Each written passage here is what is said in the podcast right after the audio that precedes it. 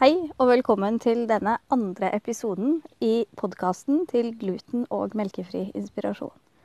Den første podkasten finner du på glutenogmelkefri.com under eh, innlegget som handler om merking av glutenfrie matvarer.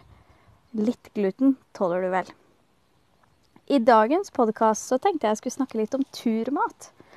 Eh, det er ikke så mange som vet det, men jeg jobber jo som prosjektleder for eh, friluftsliv. Og har gjort det i de siste seks årene.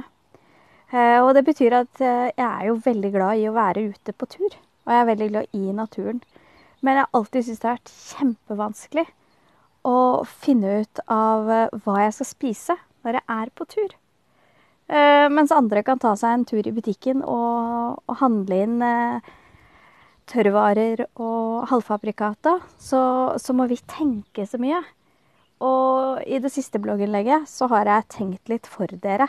Um, og det var uh, Kristin Koker som satte meg, på, satte meg, på, tipset. For de som ikke vet hvem Kristin Koker er, eller Kristin Granli, da, så er hun ei veldig flink uh, gluten- og melkefri uh, blogger som som har veldig mye bra og veldig mye spennende. Så sjekk ut kristinkoker.com. Når det kommer til turmat, så, så, er det jo litt sånn eh, alt etter hva, man, eh, hva slags tur man skal på. Skal man på en eh, hytte-til-hyttetur, så er det jo viktig at det veier lite og gir masse energi. Skal man bare på en liten sånn søndagsutflukt med familien, så har ikke vekt så mye å si, men det skal smake godt. Og skal man, eh, skal man, på en lengre fjelltur, så, så, bør man også ha noe som gir energi underveis. Og alt det finner du informasjon om i det siste blogginnlegget mitt. Uh, og der har jeg oppskrift på granolabarer. Det syns jeg er veldig greit å, å, slenge med seg i forbifarten hvis jeg skal på en tur.